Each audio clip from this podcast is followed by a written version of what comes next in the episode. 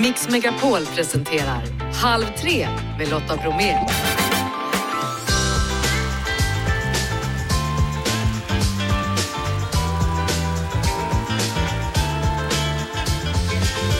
Ja men hej, Lotta är sjuk idag. Jag heter Madeleine Kilman. Varmt välkommen. Idag ska vi prata om en form av golf där fötterna är viktigast. Vi ska prata med Josefin Johansson, känd från bland annat På spåret. Det ska handla om varför vintern är som den är numera. Och om bara några minuter kommer hit en tjej som fyller 16 samma dag som hon ska vara med i Melodifestivalen. Nu kör vi! Vi är nog många som har drömt om att kunna sjunga. Hon tycker att det hade varit härligt. Jag kan definitivt inte göra det. Men en som kan det har kommit in i studion. Kiana Blankert, hej! Hej. Du är aktuell med två väldigt spännande saker. Ja. Dels så är det musikal men också melodifestival. Ja, Och du fyller 16 år samma dag som du ska tävla i Melodifestivalen. precis. Det var lite på håret. Berätta lite kort om din låt. Eh, min låt är väldigt härlig, skulle jag säga. En, eh, Helt opartiskt. Absolut. Nej, men det är en eh, party, dansglad låt. ehm, som är väldigt vacker också, skulle jag säga. Mm. Texten skulle jag säga är väldigt fin. Kul, det är ett par Mm. veckor kvar. Du får återkomma och prata lite mer om det då. Ja. Men nu tänkte jag vi skulle prata musikal.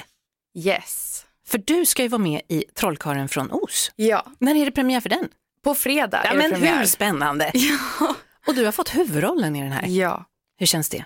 Eh, känns helt sjukt faktiskt. Eh, alltså den här roll, Dorothy ehm, som jag spelar då, hon har liksom varit en drömroll för mig sedan jag var fem typ.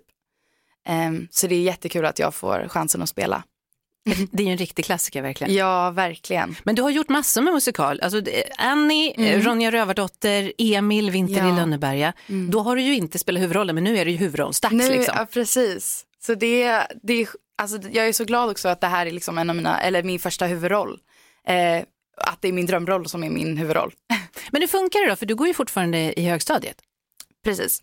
Och är, bort, nian. är borta lite grann gissar jag. Ja, nu har varit en ganska intensiv reperiod i en månad. Så Är då har jag varit lite, det, har, det har varit lite borta från skolan. Och sen så kommer du tillbaka lite mer och sen ska du iväg på en melodifestival. Precis. Men det funkar eller? Ja, Ja, vad härligt. Vi tänkte så här, vi ska lyssna på lite eh, musik från Trollkarlen från Os och så ska du få sjunga till den. ja. Superlyxigt för oss som lyssnar. Är du redo? Jag är redo. kör vi.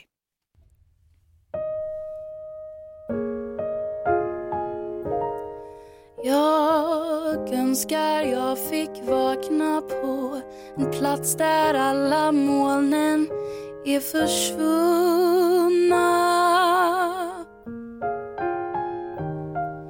Problem är ingenting som finns och sorg är något man aldrig minns. Det vill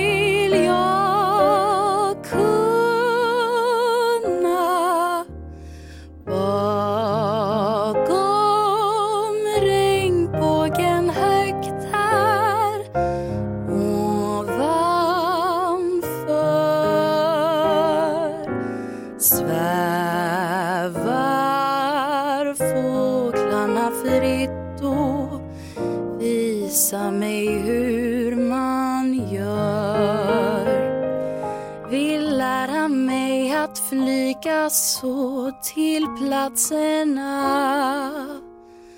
där himlen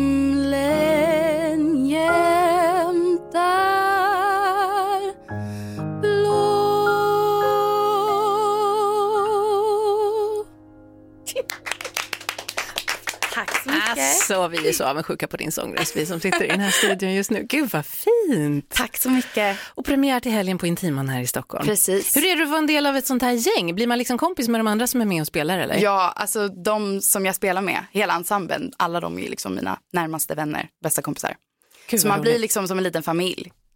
Jobbfamiljen. Ja men precis, det känns inte som ett jobb. Och det gör det, alltså, det gör det verkligen inte. Det känns som att vi bara umgås som vänner och sen så får vi uppträda på kvällen liksom. Det låter som att du har hamnat helt rätt. Ja, det tycker jag verkligen. Eh, Kiana Blankert, lycka till med det och lycka till med Melodifestivalen så tack, småningom. tack, tack. Halv tre med Lotta Bromé på Mix Megapol. Natten till måndagen drabbades Turkiet och Syrien av ett jordskalv med magnituden 7,8 och vid lunchtid igår kom skalv nummer två, magnitud 7,7. Just nu har 5 000 personer bekräftats döda i Turkiet och Syrien och ett stort räddningsarbete pågår för att hjälpa människor som begravts under raserade hus. Och med oss har vi Tage Seineldin, katastrofrådgivare på Röda Korset. Välkommen till Halv tre. Tack så mycket. Till att börja med, vad, vad, vad gör du? Vad gör en katastrofrådgivare? Ja, vad jag kan, Det är en bra fråga. Men eh, så här är det, när någonting sånt här händer så är det vi i Svenska Röda Korset så är det, det är massor med personer engagerade hela vägen från att stå och samla in pengar på gatorna till de som jobbar i Syrien, som vår personal i Syrien. Så min roll i det, det är väl att vara någon slags eh, eh rådge organisationen lite grann vad det gäller processen, hur vi gör, hur man är strategisk, vad man kan göra och inte göra för att, för att använda pengarna så, så bra som möjligt. Hur ser ditt arbete ut nu då runt Turkiet, Syrien, jordbävningen? Skiljer det sig om man jämför med andra naturkatastrofer som du har arbetat med? Ja, lite grann. Det, det är både lika och inte lika. Det som är lika är ju att liksom våra, våra verktyg och problematiken är oftast liknande. Men det som är kanske lite speciellt här det är ju att Först att det är ett land där vi har en egen rätt stor närvaro av Svenska Röda Korset. Jag tror ni har sett våra representanter figurera i, i media och sådär. Eh, så att vi har ju folk eh, direkt ute som har daglig verksamhet även innan den här katastrofen i Syrien. Så det är lite, gör att det blir, våra insatser blir lite konkret och sen har vi ansvar för vår personal och så också. Eh, och sen är det två olika länder som har drabbats. Nu kanske Libanon har drabbats lite, lite grann, men i huvudsak är det två länder. Och de är ju ganska olika vad det gäller kapacitet, vad det gäller hur eh, vad vi brukar kalla den operativa miljön, alltså hur, hur, man, hur man genomför stöd funkar ju lite olika i de båda länderna. Så det gäller ju att balansera dem där mot varandra. Hur är läget på plats nu då? Vad får du för rapporter? Ja, men jag tror som alla har sett, det, det behöver man inte vara långt ifrån någon, någon expert för att, för att se, så är situationen allvarlig. Vi har ju sett liksom, jätteomfattande förstörelse och jag tror vi inte har sett eh, allt av det än för att det fortfarande är det, är det, är det många delar där man inte har haft till, tillträde till eller och det, och det ligger avlägsna delar. Så. Eh, så att eh, bilden växer men det, omfattningen är, den är ju stor, jättestor, gigantisk till och med kanske man ska kunna säga. WHO varnar för att dödstalen kan överstiga 20 000. Med din erfarenhet, hur troligt är det? Mycket svårt att säga. Jag menar, det är många faktorer som spelar roll vid en jordbävning. Det är inte bara liksom jordbävningsstyrka, det är också djupet på jordbävningen. Till exempel här har de ju varit relativt ytliga. Det är det som har eh, gjort att det blivit så stor skada över så stort område. Eh, och sen är det andra faktorer som spelar roll. Mark, byggnadsstandard, hur, självklart också hur nära större städer och så det är. Så att jag, jag skulle gärna hålla mig från den spekulationen. Men jag tror att eh, tittar man på tidigare jordbävningar så stiger ju dödstalen eh, ganska de, under de närmaste dagarna kommer det stiga ganska mycket. Jag tror inte det kommer ta jättelång tid att, att nå en, en, en, en, siffra men fortfarande är vi nog så att vi, det kommer att öka. Mm. Vilka insatser behövs nu? Jo, vad behövs nu? Ja, e egentligen, det, vi håller ju fortfarande på att bedöma läget där. Som vi pratade om innan så håller bilden på att växa fram. Vilka är, vilka är de stora behoven och var och så. Men redan nu så vet vi att det kommer vara väldigt stora behov. Så det vi håller på nu med det är ju att dela information om, om om katastrofen. Vi är med med vår personal i fält på, på de insatser som redan har startat. Eh, I Syrien bland, vi, bland de svenska Röda Kors bland de första att ge ett direkt stöd till syriska halvmånen. Eh, men sen självklart i Sverige också så har vi börjat eh, samla in pengar Både, och det gör vi på alla olika sätt, genom enskilda personer, genom att kontakta företag, organisationer, statliga myndigheter och så. Så för oss i det här läget så handlar en stor del av arbetet om att mobilisera resurser för att kunna hjälpa till. Man brukar prata om att det finns kritiska timmar. Liksom. N när är de?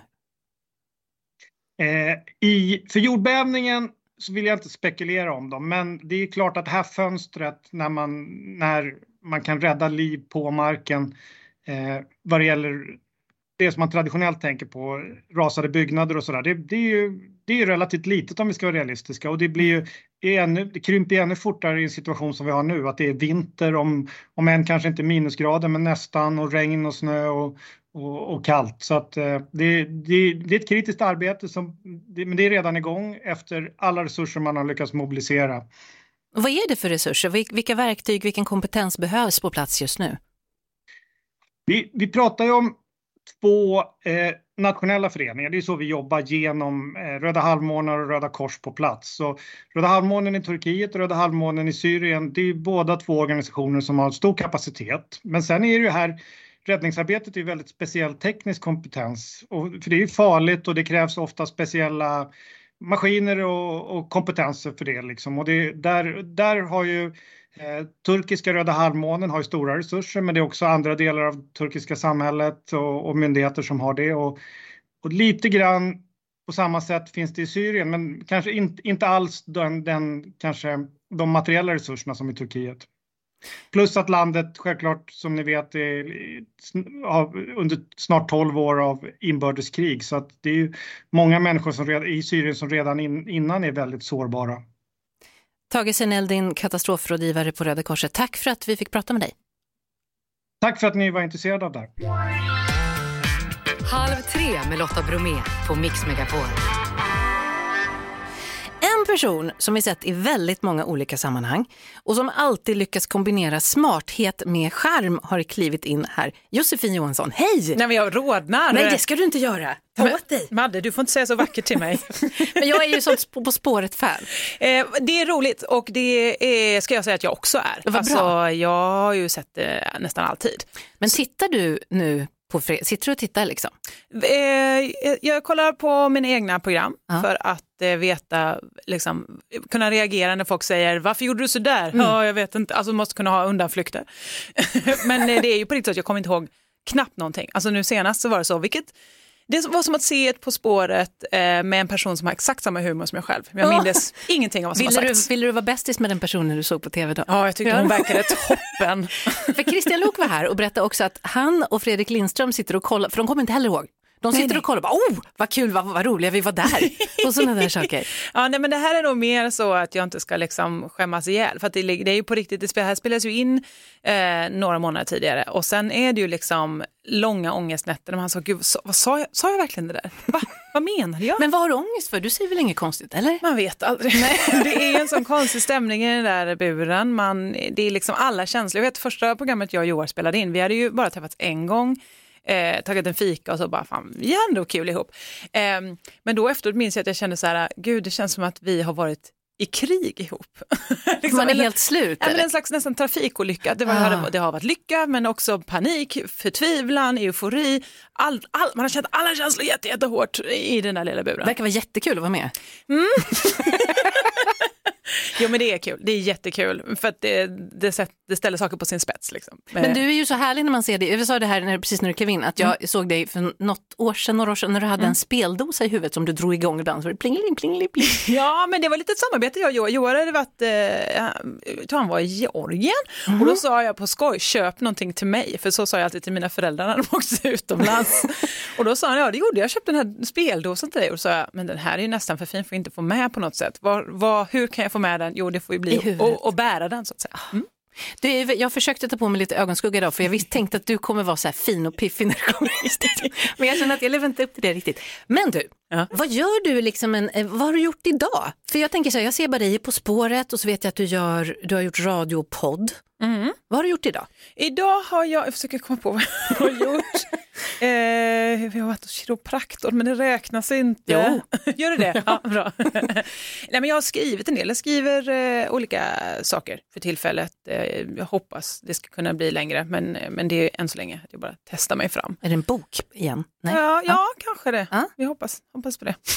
vi får se vad det blir i slutändan. Du har ju massa olika projekt för dig. Mm. Du, på spåret är du med med Joar Bendjelloul. Ehm, du är väldigt musikintresserad. Vilk, vilket vilket eh, framträdande i På spåret tycker du har varit bäst? För ofta är det ju ett husband och så är det otippad artist som gör en låt ihop. Ja, det är ju alltid jättebra, framförallt för att man får liksom sitta längst fram på konserten. Ja.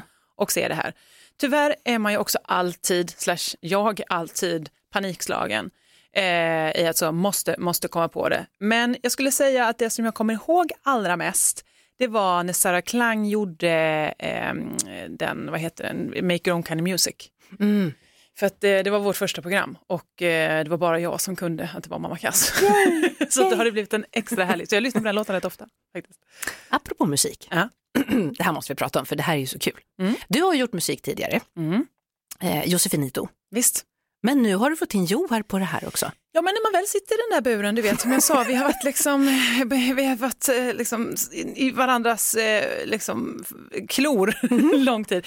Då lär man känna varandra när man liksom, ja, det är lite bryt och lite annat sånt. Och då har vi ju enats att vi båda hade tidigt kommit på ett gemensamt intresse för eurotechno och eurodisco. 90-talsmusik överlag, eh, båda väldigt förtjusta i. Och att Joar är ju otroligt mångsidig person. Han kan eh, väldigt mycket, framförallt är han jätteduktig på att rappa på tyska. Ja, det här är ju så märkligt. För när man ser honom så tänker man att han är en ganska mild person. Jag skulle inte säga hämmad, men han är inte den som liksom... Ja, Så. proper, skulle man kunna Proper, säga. det är bra. Mm. Men att han då ska rappa på tyska. Ja, det finns där inuti, bor det en tysk, sån riktig gubbe som ja, das ist schön. Eh, jag vet när vi skulle lura ner honom i studion, jag och min producent Robin Rydén, så Eh, vi har haft med Anka Johansson en gång på en jullåt också och han var så, tog en stund och, och liksom, jag kan sjunga så här. eh, så bara, ja, det. Men Joar, det var verkligen bara öppna dörren, han gick och bara ställde sig framför mikrofonen och bara ja, ja, ja! Men det här är ju en sida han borde visa mer känner jag. Absolut, jag vill att vi ska ut och turnera nu. Att Jag nu kommer. är det vi på, Ja. på arenorna, du och jag, Ja. Joar Benjelot. Men alltså jag är så nyfiken, för jag har inte tjuvlyssnat för jag ville lyssna samtidigt liksom, så att det gick i radion. Aha. Kan du presentera din egen låt? Det kan jag absolut göra. Den heter Dinosaur och den riktar sig till ja, men dig som känner dig kanske liksom lite efter. Eller, jag hänger inte riktigt Tack, med i livet. Ehm, det är så att det, det, förändring är möjlig och det kan också vara kul. Ehm, så att eh, Eurodiscon, den nya moderna, kommer här. Och han har också fått ett artistnamn, Joar. Inte fått, han har tagit sig. Ja, Johar Unts. Ja, då kör vi den. Det är halv tre i Mix Megapol. Josefinito, Joar Unts, Dinosaur i halv tre i Mix Megapol. Josefinito, alltså Josefin Johansson, är här. Och det är ju alltså Joar Bendjelloul som du tävlar med i På spåret som rappar på tyska. Ja, jag tyckte det, jag hörde att du fnissade till där. Nej, det gör, nej, men det, nej, men jag är så chockad. Ja, men man får ju det, Ja. det, det, det intrycket av att just Joar kanske inte har alla de här tonerna i sig, men det, det ska ut och det finns där. Och han har ju varit här tidigare och gjort podd i våra lokaler. Man kan göra poddar också. Och det, det får inte ihop de här två bilderna överhuvudtaget. Nej, men jag tror att vi alla har någon liten eh, önskan eller... Om att eh, rappa på tyska. Ja? Eller? Känner ni inte allihopa det? Jo, jo, nu gör jag det. Inte känt det tidigare, men nu. Nej, men ett litet ljud som måste ut, någonting liksom, eller ljud kanske rättare sagt, någonting som, eh, som behöver få Det är blomma. 40-årskrisen som kommer. Alltså. Joar har ju också gjort egen Eurotechno men liksom för 25 år sedan, 20 år sedan, eh, som han har eh, gömt i en låda. Så att det är ju en gammal dröm och hans favoritartister är ju Scooter och Blimchen. Så att det är ju på något sätt som en cirklar slut. Så nu äntligen så kommer hans eh, technokarriär. Alltså jag känner att han måste också komma hit. Ja, Han får gud, komma ja. hit nästa vecka. Bara ta in han. Du, det är semifinal i På spåret på fredag. Ja, det är så spännande! Du, du Ja, vet ju hur det jag, gick. jag minns ju ingenting. Nej. Maria Agerhäll och Fritte Fritzson ska ni möta. Ja, som ju är liksom goda vänner till mig, så det känns ju extra jobbigt på, oavsett hur det går. Mm. Alltså för att, eh, Säg hur det går. Ja, men vinner man över dem då så kommer ju de bli ledsna. Vinner Ja. de över mig kommer jag bli ofantligt ledsen. Så att eh, vi, vi, det är bara dåliga utgångar. Det är en vänskap som tar slut oavsett hur det här slutar känns det som. Tyvärr. Vi pratade lite om det tidigare att det såklart är jobbigt att vara med men om man ska säga liksom så här någon slags känslofördelning är det liksom 70% jättejobbigt 30% oj vad skoj eller hur känner du att det är? Liksom? Ja, men ju mer varit med desto roligare har det blivit. Eh, för jag har ju lärt mig att det, det blir bra sen. Mm, ja. Men det är... Eh, eh, den första universiteten, då var det svårt att ha kul. Med, och det tror jag alla upplever. Första programmet är verkligen så, nej nu ska jag vara med om Sveriges svåraste läxförhör. Så känner ju man ju rätt ofta. Inför massa folk dessutom. Ja, exakt. Ja. Eh, men senare tid så har jag liksom verkligen kommit att uppskatta att så här, det är världens bästa eh, after work-quiz som någon har riggat till mig. Där jag liksom får bli underhållen av Fredrik och Christian. Någon har dragit dit Sveriges bästa band som har repat med en artist som jag alltså, beundrar. Det är, det är nästan bara lyx att vara med. Så att jag, jag uppskattar varje gång. Vilken fråga glömmer du aldrig? Eh, jag minns ju att det var en gymnastikfråga. Och Aj det då. blev jag så glad det över. så här dubbelsnurr, eh, Tjechov eller någon, du vet sån här? eller? Ja, de är ju vidriga de dubbelsnurr Tjechov, Ja. absolut. Men eh, nej, det var ju något jag kunde. Jag hade precis börjat på mm. gymnastik, eller hade gått gymnastik några terminer eller vad det så att jag kunde vara nöjd. Men då går du på gymnastik? Jag gjorde det innan pandemin, nu har jag börjat på ballett istället. Såklart. Går det bra? Bra en definitionsfråga. Jag är inte professionell än. Nej, men det kommer ju. Så mycket som jag tränar en gång i veckan mm. borde det verkligen komma snart. Men är det liksom hela de här obekväma skorna, tightsen, hela, hela balletten? Det är ju ett par obekväma skor, men de är inte riktigt på de där tåspets, utan det är ju som små mockasiner, eller vad det är, som barn har. Hur kom du på det här? Ja, men jag det är ju att jag gillar, alltid gillat, alltså när jag var liten drömde jag om att få bli så, antingen isprinsessa eller, eller eh, vanlig prinsessa. få klä ut mig. Och då tänker jag att de här olika eh, så här, grejerna får man ju klä ut sig på roliga sätt. Gymnastik, då får man ha en konstig eh, dräkt och eh, balletter och en kjol. Ja, sånt där. Så jag tror eh, jag gillar allt Du är sjukt inspirerande. Man vill ju komma på att nu vill jag gå och dreja tänker jag nu. Liksom. Ja, du, gå direkt. Ja. Det, alltså, det, är, herregud, det, är, det är bara att göra faktiskt. Alltså, du har ju vunnit eh, På spåret, du har vunnit Alla mot alla. Varför kan du så mycket? Det undrar jag också. Jag förstår faktiskt inte alls. Arg också. Varför?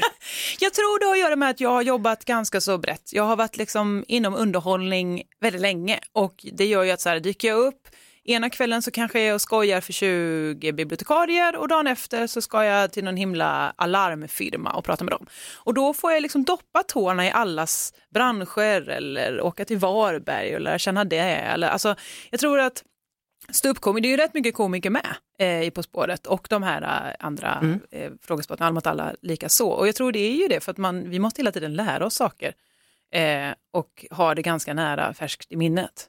Så att, ja, kanske är det så jag slash många andra kan saker. Du, jag är superglad att du kom hit. Jag håller tummarna på, på fredag såklart. Blir det någon speldosa i huvudet? Eh, jag kommer inte ihåg. vi hoppas. Ja, vi får väl se. Jag ser, jag ser mycket fram emot det lika mycket som ni andra. Jag med. Mm. Josefin Johansson, tack snälla. Tack själv. Kan man spela golf med fötterna? Tydligen är det så. Jag ska ringa någon som har stenkoll på det här och om en dryg halvtimme vinner någon en stuga under vårt fjällkalas, så häng med. Halv tre med Lotta Bromé på Mix Megapol. Vi ska prata om sport, fast en sport som jag inte har koll på alls känner jag. Jannike Nettelhed från Landskrona är med, är en av fem svenskor som är uttagna till footgolf-VM i Orlando i USA i vår. Och Jannike vill nu sprida sporten vidare till fler. Hej! Hej! Men vad är det här? Vad är footgolf för någonting?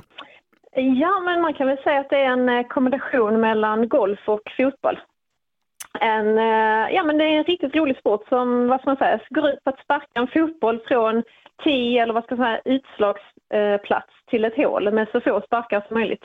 Det här är ju perfekt för mig som är helt värdelös på sport för det måste vara lättare att träffa en fotboll med en fot än en liten golfboll med en klubba tänker jag. Det skulle jag också kunna säga som har spelat både fotboll och eh, golf. Men du, du kommit med i VM, det är ju helt galet, vad roligt. Ja, Ja, det är superroligt. Det ska bli fantastiskt kul att få spela med eh, ja, men de bästa spelarna i världen faktiskt. Men i golf så är man ju själv. Liksom. Hur, hur är det i det här då? Är det man i lag eller hur funkar det? Ja, men det är lite olika. Eh, just till VM så eh, kommer ju Sverige ställa upp med ett damlag och ett herrlag. Och alla vi spelar även individuellt också. Okej, men när man spelar i lag, är det liksom någon slags eh, stafett eller är det en som kör hela banan och sen tar nästa? Ja, men det är lite, jag tror att det ska vara så att det är bäst boll och då spelar man ju eh, individuellt och sen så tar man bästa resultatet. Eller så är det något som heter foursome och då spelar man varannan, varannan spark. Hur, hur kommer det, det gå? Liksom fyra. Vad sa du? Hur kommer det gå nu då? Åh, oh, det är jättespännande. Alltså, eh, vi kommer ju absolut göra vårt absolut yttersta för att placera oss så bra som möjligt. Så att, eh, det hoppas vi på. Jag är lite nyfiken på hela den här kulturen, för när det gäller golf i vanliga fall så är det ju lite, man ska på sig vissa kläder, man ska vara väldigt välklädd och det är en liten golfapplåd och så här. Finns det några mm. sådana där kulturella grejer när det gäller att liksom, spela golf med foten istället? Eh, nej men alltså du ska ju ha, eh, det är ju lite mer golfaktigt så det är ju, eh, det är en liten dresscode med eh, piké och shorts mm. och gärna fotbollsstrumpor, alltså långa strumpor då upp till knäna. Eh, som är, vad ska man säga, outfiten. Eh, men alla kan spela fotboll för det är liksom inte det kläderna som liksom styr utan det är, ja. Kan, kan man filma mm. som i fotboll? Aj, aj, aj, och så rullar du runt ett par varv. Ja, det är väl inte riktigt, inte samma sak. Men så det är lite så när man spelar fotboll att då kan man liksom ja, dra en tackling och sen är man av med aggressionen men då är man liksom själv så att det är inte samma. Nej. Tänk om man skulle göra så i vanlig golf, köra en tackling för man är arg, det skulle inte bli populärt alls. Nej, inte så. Om man vill testa på det här nu då med fotgolf, vad, vad ska man ta vägen? Finns det över hela landet till exempel? Ja, det är lite så centrerat kanske till Stockholmsområdet men lättast är väl egentligen att gå in på golf.se snedstreck fotgolf eh, och så letar man upp närmsta fotgolfbana och så tycker jag att man drar med sig kompisgänget ut och så är man fast, ska jag säga. Jannike Nettelhed från Landskrona som ska vara med i fotgolf-VM. Lycka till! Tack så jättemycket. Och tack för att jag fick ringa och prata med dig. Tack. Halv tre med Lotta Bromé på Mix Megapol. Madeleine Kilman heter jag som hoppar in istället för Lotta Bromé som är hemma och är sjuk idag. Nu vet inte jag riktigt hur varmt det är där du bor. Här hos mig ser det några plusgrader och det är ju plusgrader i större delen av landet idag trots att det är den 7 februari och borde vara vinter. Sverige blir varmare, det regnar mer, det snöar mindre. Vad är det som händer? Med oss nu är Gustav Strandberg, klimatforskare på SMHI och ledamot i nationella expert expertrådet för klimatanpassning. Varmt välkommen! Tack så mycket! Men du, ska vi börja med att konstatera vad vinter är? Vad är vinter rent meteorologiskt? Ja, det finns väl egentligen ingen entydig definition. Eh, på SMHI använder vi eh, den gränsen att eh, dygnets medeltemperatur ska vara under noll grader i fem dagar i sträck. Då startar vintern. Men skillnaden mellan norr och söder är ju ganska stor. Så man har, jag misstänker att om man frågar en i Malmö och en i Kiruna så kanske man svarar lite olika på vad vinter är. Men det, så blir det ju i ett sånt land som, som är så avlångt. När man tänker vinter, och när jag tänker vinter när jag var liten så minns jag ju alla snögrottor man byggde att det var så himla mycket snö och jag minns att det var 27 minus någon vinter och sådär.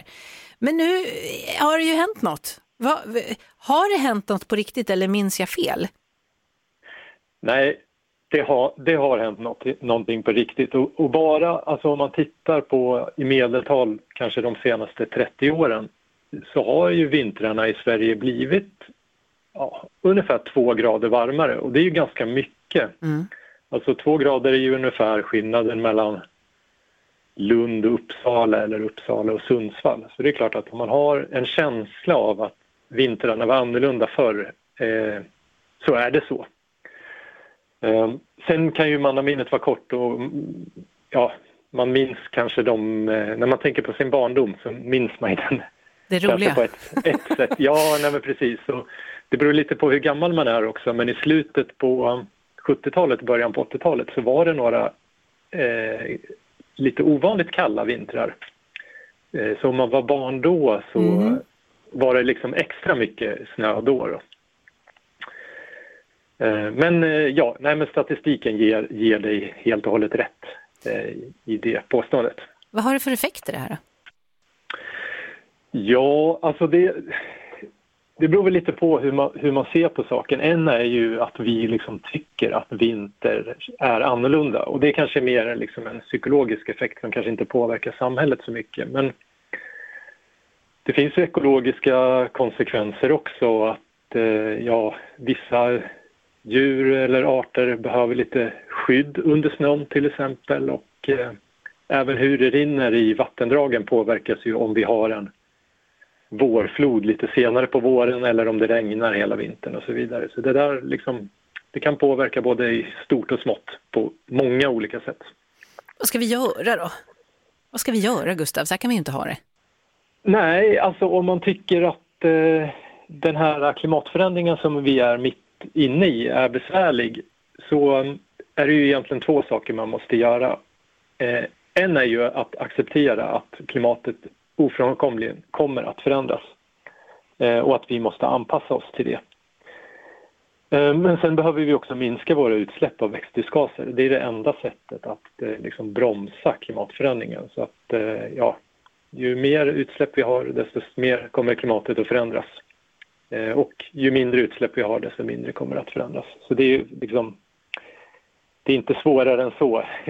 Även om det är svårt att göra det så är det ganska lätt att förklara liksom hur det hänger ihop. Vad kan vi vänta oss då, om man sitter framåt liksom några år?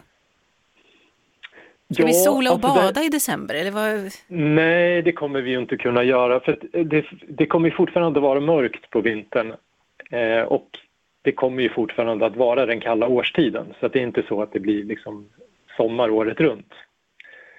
Ehm, men, eh, och det här beror ju också på hur stor klimatförändringen blir i framtiden. Men det är klart att inom det liksom, innan seklet till slut så kan man ju lätt förvänta sig en eller två graders uppvärmning till. Eh, Och det betyder liksom en ytterligare förskjutning av klimatzonerna och, och att det till- exempel blir ovanligare med snö på vintern eller kanske ens minusgrader på vintern. Så bättre planering inför förändringar, inte ha ångest för det här kommer att ske, vi ska planera och så ska vi sluta släppa ut en massa växthusgaser. Ja, det vore bra. Ja, bra, då sammanfattar vi det så. Gustav Strandberg Ja. på SMH, tack snälla för att jag fick ringa och prata med dig. Tack så mycket. Tekniktipset. Ja, hörni, vi befinner oss i sportlovsveckor. Antingen har det redan börjat eller så tar det någon eller två veckor innan det är igång i Sverige då. Och nu är det många som vill ut i skidbackarna eller på skridskobanan och självklart så finns det gott om tekniska prylar för alla som gillar vintersport. Därför varmt välkommen mitt i denna vinterkyla Martin Appel. Tack så mycket. Och en av de grejerna som finns är en smartklocka. Ja, smarta klockor används ju väldigt mycket av folk som sportar. Och de här klockorna de kan förstås även användas för folk som är ute i skidbacken. Vad de gör, smartklockorna, det är ju att hålla koll på hur långt du har åkt, vad du har för hastighet. De kan förstås också spela musik. Smartklockorna har stöd för Bluetooth, den här trådlösa tekniken, så du kan välja att spela musik direkt från klockan till dina trådlösa hörlurar så att du behöver inte ha med dig mobilen när du är ute i skidbacken. Är det bara backar eller är det spår också?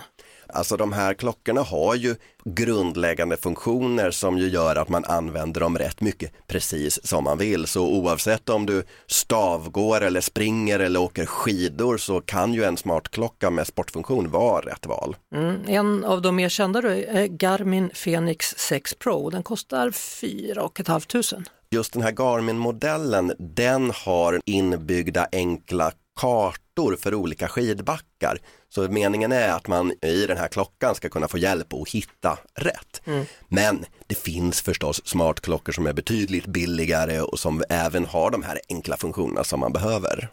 Sen tycker du att en kul teknisk pryl här då för vintersport är actionkameran. Actionkamera, precis, för det blir ju ofta rätt mycket action, i varje fall när man pratar om snowboard och skidåkning och sånt.